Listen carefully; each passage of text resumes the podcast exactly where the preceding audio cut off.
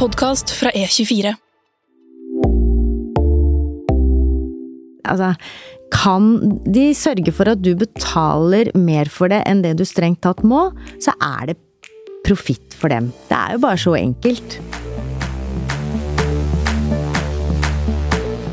Velkommen til Voksenpoeng med meg, Nora Rydne, journalist i E24. Dagens faste utgift er noe de fleste har, og alle burde ha, men kanskje bare til en viss grad, eller? Vi snakker forsikringer. Med meg i studio har jeg fått eh, direktøren i Forbrukerrådet, Inger-Lise Blyverket. Velkommen. Takk skal du ha. Og så har vi med oss deg, vår egen børskommentator, Sindre Heierdal. Takk, Nora. Først, eh, dere. Vi skal helt eh, ned på grunnivå her. Hva er egentlig forsikring? Altså det å forsikre seg, det er jo egentlig å kjøpe seg fri fra risiko. Hvis det skjer noe med deg, enten med helsa di eller med noen av de tingene som du har, som fortrinnsvis har stor verdi, så har du altså kunnet uh, forsikre deg mot det tapet, eller det som blir ødelagt på forhånd, sånn at du slipper å betale av egen lomme. Det Kan være greit å ha. Det kan være veldig greit å ha, men man trenger ikke ha for mye av det. Nettopp. Og det er jo det vi skal gå gjennom i dag. Hvordan du unngår å ha for mye, men ha akkurat passe. Og så ikke betale altfor mye for den, da. Men eh, jeg bare kom over et begrep veldig tidlig i researchen her, eh, og jeg har jo lest det i mine egne forsikringspapirer. Premie. Kan dere også bare kjapt forklare det? Ja, det er det du betaler for å ha forsikringen din. Gjerne da årlig, men du får også oversikten over hva det er månedlig. Det er altså, skal vi kalle det avgiften du betaler for å ha forsikringen din. Og så har du da uh, premiedekningen, som da gjerne er altså hva forsikringen dekker. Og det må jo ses litt opp mot hverandre, fordi du betaler en pris, men du får også en dekning. Og den kan variere. Og da er det lurt å lese også det med liten skrift, for det kan uh, utgjøre forskjellen på om det økonomiske tapet du har, uh, uforskyldt eller ved ulykke eller hva det skulle være, om det dekkes eller ikke.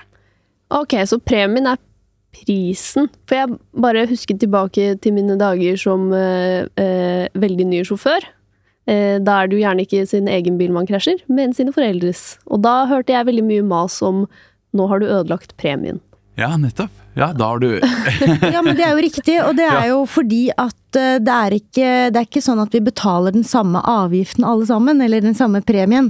Det kan ha noe om eksempel når det gjelder bilkjøring, så handler det jo ofte om du er ung eller eldre sjåfør, fordi man vet statistisk sett eksempel at eh, yngre sjåfører kan tendere til å, å krasje mer. Eh, vi vet også at vi kan ha ulike innboforsikring, avhengig av hvor du bor. Hvis det er i områder hvor det er større større muligheter for at du f.eks. utsettes for innbrudd og ran, så kan det hende at du må betale mer enn i områder hvor det er mindre sannsynlig. Eh, sånn at eh, du blir faktisk vurdert i en del sammenhenger, og også din track record.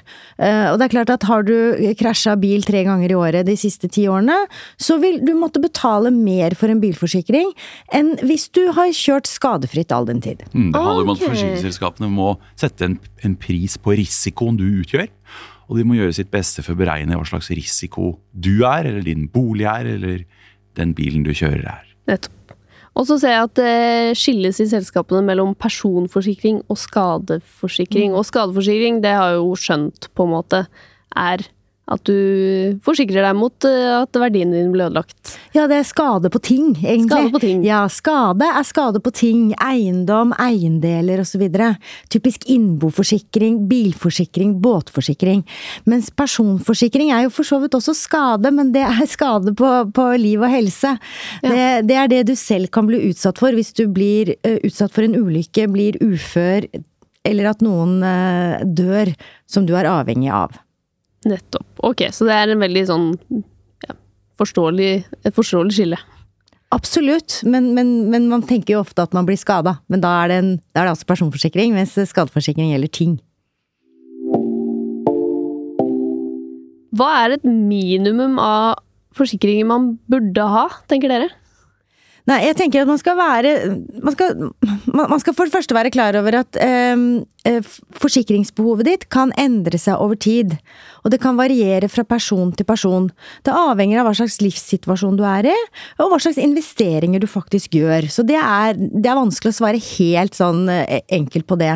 Men det er jo i hvert fall én tommelfingerregel som er veldig grei å forholde seg til, og det er at det må være eh, store verdier involvert for at det skal lønne seg å være forsikra.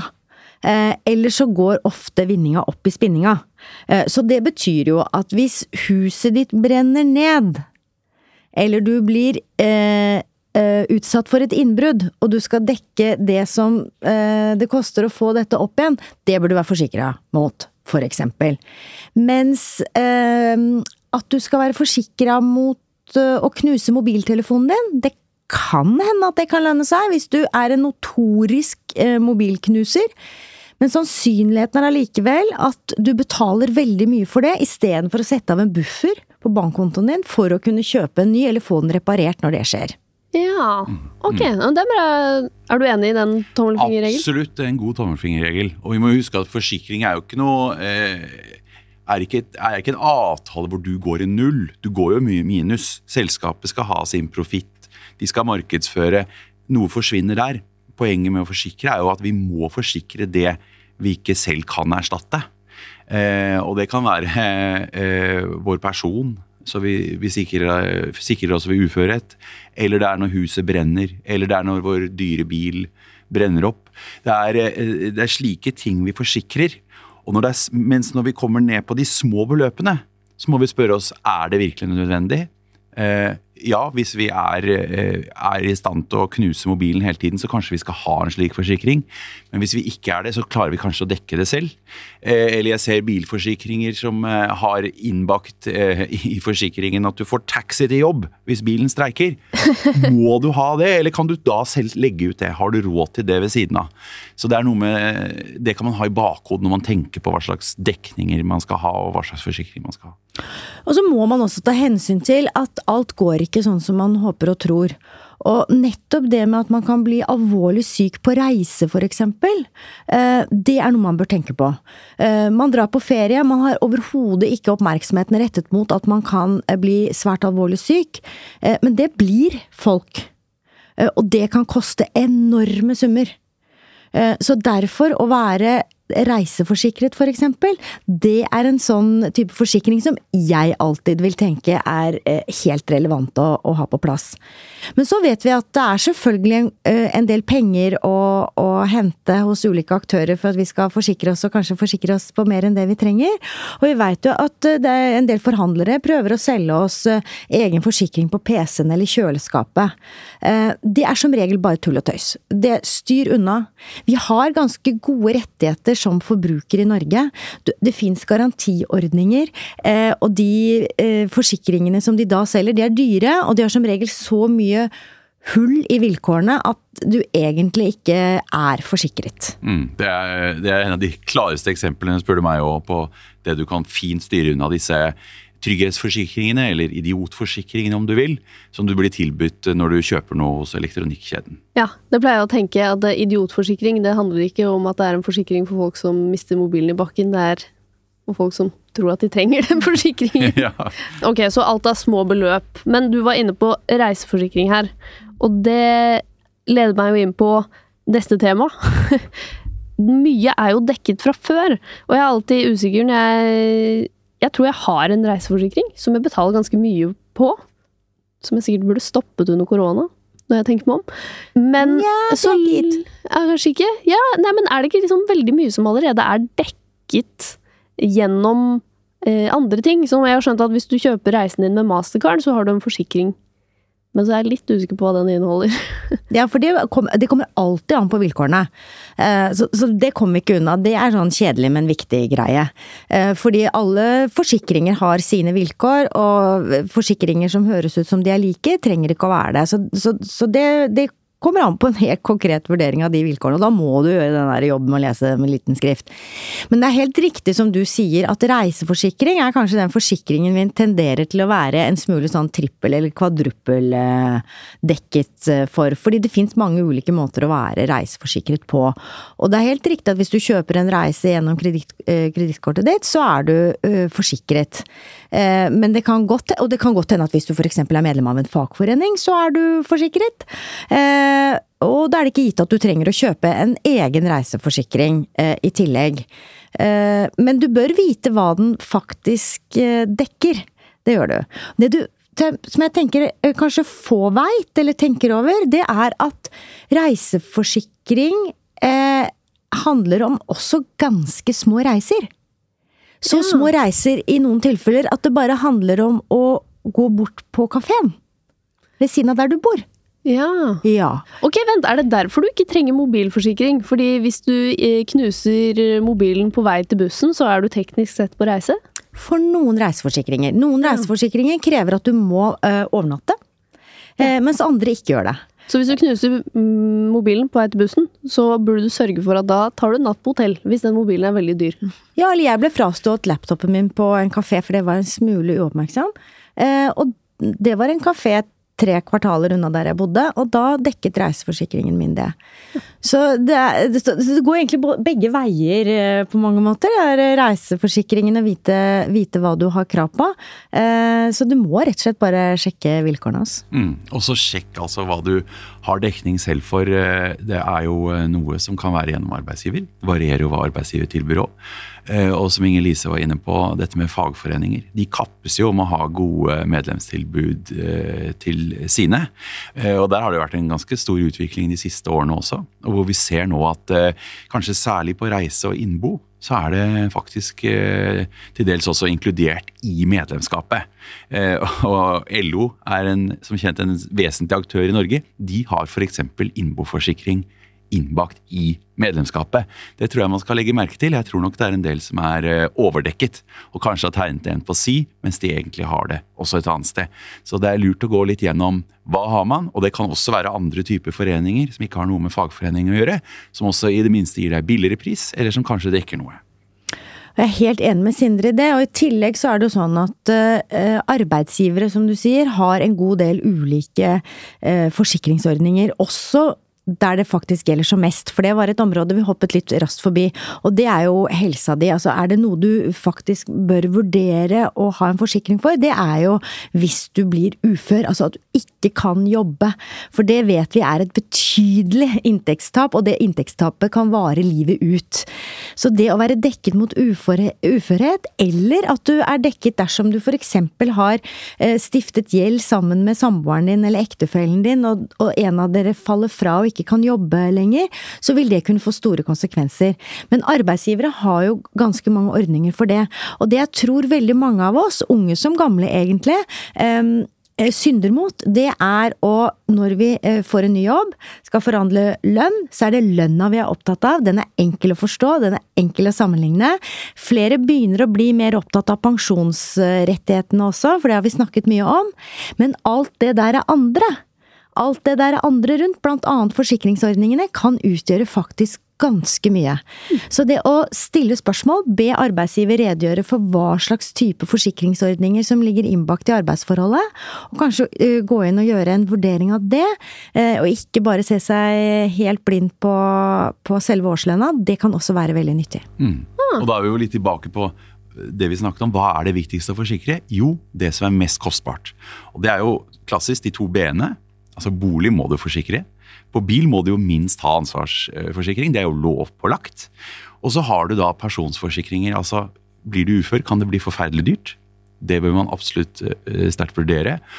Og det er jo mange som tegner barneforsikring, kanskje ikke tenker på uføredekning i den. Det bør man også vurdere. Ok, Så egentlig BBP? Det kan du si. Bolig, ja. bil og uh, person? Ja. Og så kommer jo selvfølgelig Man skal jo ha innboforsikring men kanskje har man en dekning et annet sted. Men det bør man jo absolutt ha også. Eh, og reise, som Inger-Lise er inne på, er også veldig viktig, da.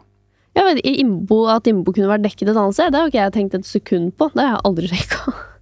Men jeg ser i lønnsslippen min at jeg noen ganger, noen måneder, blir trukket i forsikringer. Mm, og det skal arbeidsgiver opp, Arbeidsgiver skal nettopp opplyse om det på, på lønnsslippen, så det er Ja. helt riktig. Okay. Ja, og da må du rett og slett gå til HR-avdelingen og spørre kan ikke du bare redegjøre for hva slags type forsikringer jeg er omfattet av. Åh, jeg ble slapp i det du sa gå til HR-avdelingen, kjente jeg. Ja, men det er, litt, det er noe av det. Vel kan du gjøre. Ja. Men noe av dette er litt sånn kjedelig, men viktig. Altså, det er på en måte, du, Ja. Ingen av oss er perfekte, men vit nå i hvert fall at det er en, en mulighet, da. Ja. uh, Ja, for og- innboforsikring, det betaler man ganske mye for. Det er relativt dyrt, og det er jo sånn de fleste har, og kanskje burde ha. Ja, men man må også passe på at man ikke er underdekket. Ja. Fordi at eh, det er faktisk veldig mange ganger så tenker vi ikke over hvor ø, store verdier ø, bare klærne vi har. eh, innbefatter. Og noen av oss har etter hvert også ganske dyre klær, som for eksempel bunad og andre ting. Så man må faktisk også sjekke at den, eh, den innboforsikringen er realistisk i forhold til det innboet som kan gå tapt, f.eks. i en totalbrann, hvor ingenting er igjen, og du skulle kjøpe alt nytt igjen, eh, så utgjør det ganske store kostnader. Ja. Ja. Og det er et veldig godt poeng. å Si at, si at du er 23. Fattig, lutfattig student, og du trenger ikke en innboforsikring for store beløp. Ti år etterpå sitter du med samme innboforsikring, men eh, beløpene i huset ditt er eh, mangedoblet uten at forsikringsdekningen er det. Du må lese, rett og slett lese avtalen nå, ja. Du må det. Det fins noen hjelpemidler, da, for det. Eh, og det er jo at hvis du går inn på finansportalen.no, det er jo en sånn portaltjeneste, en sånn prissammenligningstjeneste innenfor finansområdet som vi i Forbrukerrådet driver, så kan du få litt hjelp. Eh, vi har noe som heter normvilkår. Det er fryktelig krevende kanskje å forstå, men det er en, en, altså, en, norm for hva slags type vilkår det er relevant å se på ulike forsikringstyper, og hvor du da kan på en enklere måte, hvis du finner liksom den normen som du tenker er rimelig for deg, så kan du bruke det for å kunne sammenligne mellom ulike forsikringstilbydere, og se hva slags type forsikring de tilbyr, og prisen på det. Eh, og det er også sånn at du kan fylle inn relevant informasjon om deg sjøl og det du skal forsikre, og så kan du enkelt få sammenlignet mellom ulike aktører. Og hvis du da ser at den forsikrings, eh, det forsikringsforholdet du har, at det er dyrt, eh, så kan du bruke det i et forhandlingsøyemed, enten overfor den du har, eller bare be om å bytte. Og det er enkelt å bytte. Det er også veldig viktig. Veldig mange, Det er hassle. Uh, og man blir sliten, og man må nesten legge seg ned og hvile ved tanken på at man skal gjøre det. Men, og det forstår jeg, den kjenner jeg på også, men akkurat selve byttet er ikke vanskelig. Uh, og det, det sørger på en måte aktørene for. Um, så vi har jo, i Forbrukerrådet så har jo vi gjennom flere år egentlig snakket om en byttedag. Uh, og det er jo nettopp å sørge for at flere bruker forbrukermakten sin. For det er den enkleste måten å bruke den på, det er å bytte leverandør. Om det er mobil eller strøm eller forsikring eller hva det er. Så kanskje se for seg at man finner en dag eller en helg hvor det er veldig lite å gjøre, veldig dårlig vær. Det er foreløpig ikke Det var lettere før, hvor det var ikke noe bra på TV-en. Det går ikke an å si lenger, dessverre. Men å si at ok, nå går jeg inn, så tar jeg og gjør den kjedelige jobben. Uh, og så utfordrer jeg den aktøren som jeg er hos, og så ser jeg hva som kommer ut av det. Mm. Og da kan du bruke finansportalen.no, som i hvert fall hjelper deg et stykke på vei. Helt enig. Finansportalen.no, eh, som Forbrukerrådet står bak, er et kjempebra utgangspunkt. Og for de som ønsker å gjøre minimalt selv, så kan man også senere vurdere litt ulike anbudstjenester som hjelper deg med disse byttene. Noe som er fint der også, er at du kan fylle inn da hva slags type dekning du ønsker, ikke sant? og ganske detaljert hvordan huset ditt er osv. Og så blir det da eh, spydd ut til de ulike aktørene. Hva kan eh, du tilby denne kunden eh, i premie? Og da har du sikret den dekningen du ønsket deg. i utgangspunktet. Så det blir lettere å sammenligne. ikke sant? Da sammenligner du ikke epler og bananer. To forsikringer som kanskje har ganske ulik dekning. Da får du tilbud basert på det du ønsker deg. Så dette, dette er ikke så fryktelig vanskelig som man kan frykte. Men det at en del nok tenker at det er kjedelig, det er jo også til forsikringsselskapenes gunst, selvfølgelig. Sitter man stille i båten og pruter ikke og bytter ikke, så går gjerne premiene opp. Så man må, må ha det i bakhodet. Ja, jeg har tenkt på det at jeg har jo autotrekk på en sånn uh, forsikringsavtale. Det har jeg tenkt som man kanskje ikke burde ha. Fordi tenker over de tenker jo ikke over det. Nei, Det det, kan du si. ut Men de har ikke lov til å endre premien uten å gi deg eksplisitt beskjed, sånn at det kan ikke være sånn at da bare øker den. Um, og det er jo som Sindre sier, du kan selvfølgelig kjøpe deg til en sånn tjeneste som kan hjelpe deg til å sammenligne, men igjen, altså finansportalen.no har akkurat den muligheten, at du kan putte inn alle, mange av disse tingene, også fagforeningsmedlemskapet ditt for, forresten, som gjør at det er en eller annen motor der bak som, som, gjør de, som, ja, som gjør de vurderingene. Men det er ikke noe, altså vi i Forbrukerrådet har jo vært opptatt av at det burde finnes en, en mulighet til å, å få oversikt over alle forsikringene sine, nettopp for å unngå denne dobbelt- eller trippelforsikringen. Og vi møter veldig, veldig mye motstand hos bransjen på det. Og det er og det, Jeg klarer ikke med beste vilje å tenke at det bet- det betyr kun én ting, og det er at de vet at vi er dobbelt- eller trippelforsikret, og ønsker ikke å gjøre det enklere for oss å se det. Men på lån og på pensjon så finnes det sånne type oversiktstjenester som uh, næringen, altså finansnæringen selv har etablert. Vi mener at det burde egentlig være tilfellet her også. Eh, Men det er litt sånn Det er det en del motstand mot, da. Eh, Så det kan godt eh, E24 skrive. Er det sånn at man bør ha alle forsikringer på ett sted, eller er det smart å spre dem ut her og der? Det er, det er liksom tusenkronersspørsmålet. Jeg er veldig Ja. spent på hva du sier eh, om det. Det er ikke sikkert vi er enige engang. For enkelhetens skyld så er det klart at det virker veldig besnærende å ha det ett sted. Eh, ikke sant? Og, og kunne få den oversikten, og da har du i hvert fall Da, da er det én aktør du forholder deg til. Men vi vet fra veldig mange markeder at det å samle alt et sted, det gjør jo også at konkurransen går ned, og at du antageligvis betaler mer eh, for forsikringen enn det du trenger. Så det er liksom en avveining, da. ikke sant? Hvor mange ulike aktører skal du ha? Hvor mange ulike relasjoner, hvor mange ulike avtaler skal du ha? Versus det å ha oversikten. Så jeg klarer ikke å gi deg et, liksom et, et klart råd, da. Om at du skal velge enten det ene eller det andre. Nei, og det klarer ikke jeg heller. Eh, og man må jo selvfølgelig se på det. Har du typisk tre forsikringer et sted, så får du en, eh, en rabatt da, ikke sant. Så du må jo se det opp mot hva du sparer på de enkeltvise. Men, men eh, grunnholdningen bør jo være at man hele tiden ser seg om i markedet og ser om forsikringen kan være billigere et annet sted. Og da må man jo se på hver enkelt forsikring man har, om det er eh, bil eller om det er hus, og hva det er å tjene det der. Så, så det bør være utgangspunktet, og så får man heller da ta en totalvurdering på slutten. Er den rabatten jeg får for å samle flere, virkelig verdt det? Man kan jo også bli lat av å ha alt et sted. At man tenker at da, da, er jeg, da står jeg her for livet. Eller, Ja. ja, det er en fare i hvert fall for at man kanskje blir litt mer passiv av det. Ja, og definitivt også, så i og med at vi vet at vi er forsikret eh, på mange ulike måter, ikke sant, eksempel gjennom fagforeningsmedlemskap, da.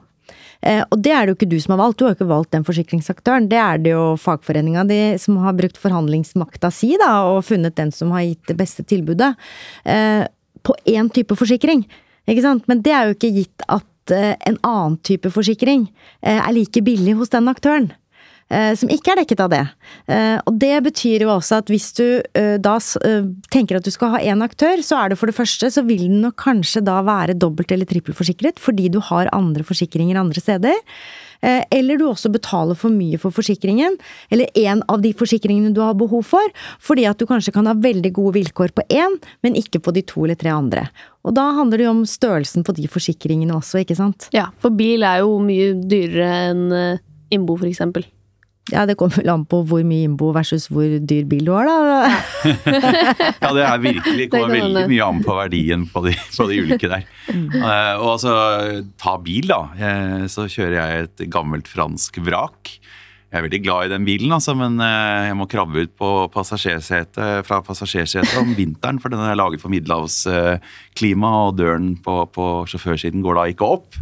Passerer det EU-kontrollen? Det får vi se neste Bare om gang jeg skal sommeren. Men, eh, men, eh, men uansett, den, eh, det er vel også sånn at eh, forrige skattemelding anslo verdien til, på den bilen til litt over 30 000. Da. Og da er verdien av bilen så liten at eh, man bør tenke seg om to ganger før man kjører full kasko, altså full dekning på den bilen, hvor du får hjelp med alt eh, mulig rart. Jeg vil kanskje si En tommelfingerregel er at har du en bil eh, verdt eh, under 100 000, verdt under 50 000, i det leiet der, så bør du vurdere å bare ta delkasko. Da betaler du mindre premie, du får mindre dekning òg. Men har du, har du penger nok til å kunne erstatte bilen om den plutselig streiker totalt, så er det da bedre. Ja. Så man må, man må også bruke eh, slike ting da, for å, for å prøve å presse ned de premiene man betaler. Og gå rundt og ha, ha en super dekning på, på en gammel eh, skranglete bil, det er sjelden spesielt eh, gunstig. Men for meg da, som har liksom litt sånn småforsikringer, innbo og litt reise og litt sånt, eh, så kan de kanskje like greit være i samme selskap, men dersom jeg kjøper hus, så burde jeg kanskje sjekke litt andre alternativer før jeg bare hiver den inn i liksom, ja ja, med det selskapet. Bæh. Ja, men nå har du glemt det vi nettopp lærte, da. At det kan jo hende at du, du har grei nok reiseforsikring uten egentlig å ha noe reiseforsikring. Ja, det- Bare ved å betale mastercard. Du må ikke glemme det du Det skal jeg hjem og sjekke. Ja, det må vi, det må vi sjekke først. Også, men så tror jeg det også er veldig viktig å tenke at for eksempel da, eh, i de årene fra du er eh, 20 til du er 40, så endrer det jo for veldig mange av oss livssituasjonen seg veldig, og også eh, de verdiene du, du har. Og det er klart at um, når du leier hos noen, eh, så er det jo huseieren som er ansvarlig eh, for å være forsikra. Forsikre den boligen dersom den Altså ikke innboet, men forsikre boligen dersom eksempel den brenner ned. Um, Kjøper du en borettslagsleilighet, så er jo det en del av borettslagspakka, på en måte. Eh, Og du betaler for den også, men da betaler du for den over husleia, ikke sant, som en del av et kollektiv. Eh, Men kjøper du da ditt eget hus, så må du faktisk ha en egen husforsikring. Så det kommer jo helt an på hva slags type eierskap du har, og hva slags type liv du lever. Eh, også for, for hva slags type forsikringer du, du må skaffe deg. Og det å liksom henge med i det. Så du må henge med, må hele tiden gjøre vurderinger. Eh, også sånn som Sindre sa, det kan faktisk hende at du, uten at du tenker over det, så blir du mer og mer velholden. Eh, og du skaffer deg faktisk flere ting som har større og større verdi. Og så har du liksom ikke tenkt på at du også må passe på selv. Og justere eksempel innboforsikringen din i tråd med det. Og det samme er jo hvis det skjer store endringer. Hvis du eh, stifter familie, eh, så blir det mer ansvar og forpliktelser knyttet til det. Det kan være andre mennesker som er avhengig av deg. Da bør du ha en gjennomgang av det. Skal du ut på en kjempestor reise, langvarig reise, det er en stor overgang, da bør du tenke hm, da trenger jeg kanskje noen egne forsikringer, da må jeg ha en egen gjennomgang. Så det å liksom tenke det er noen store overganger i livet, da må også liksom forsikrings... eh, si sånn forsikringspling. Så utover sånn at det skjer store endringer, hvor ofte ville dere anbefalt å gå gjennom alle forsikringsavtalene man har? Jeg ville kanskje sagt uh, Dette må jo hver enkelt uh, gjøre opp en mening om selv, da, men uh, jeg ville kanskje råde til å se på premiene en gang årlig. Det er jo typisk også et hovedforfall en gang i året, hvor forsikringspremiene settes opp.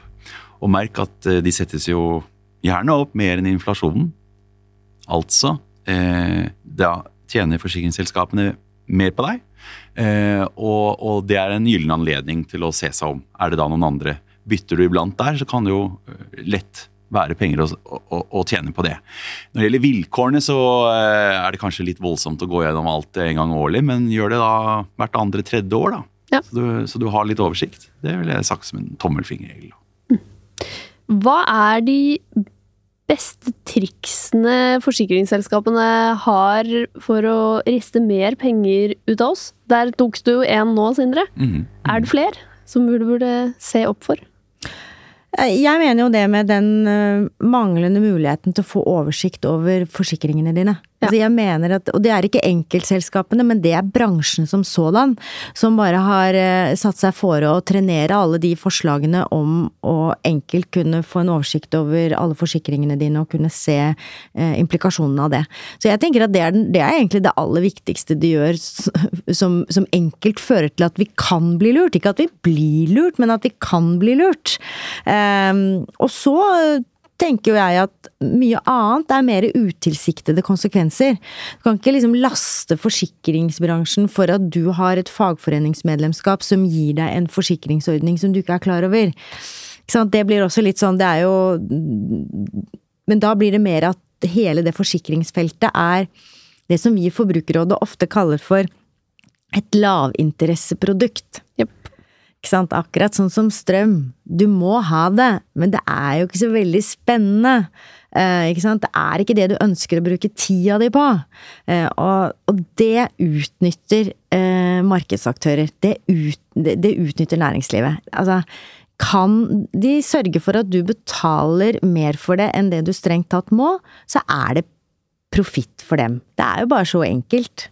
Det er klart, altså lojale kunder som sitter stille i båten, det er jo veldig ofte god butikk. Ja. Så som så mange andre episoder i denne sesongen her, så er eh, egentlig moralen at eh, jo mer eh, påkobla du er, jo mer penger kan du spare.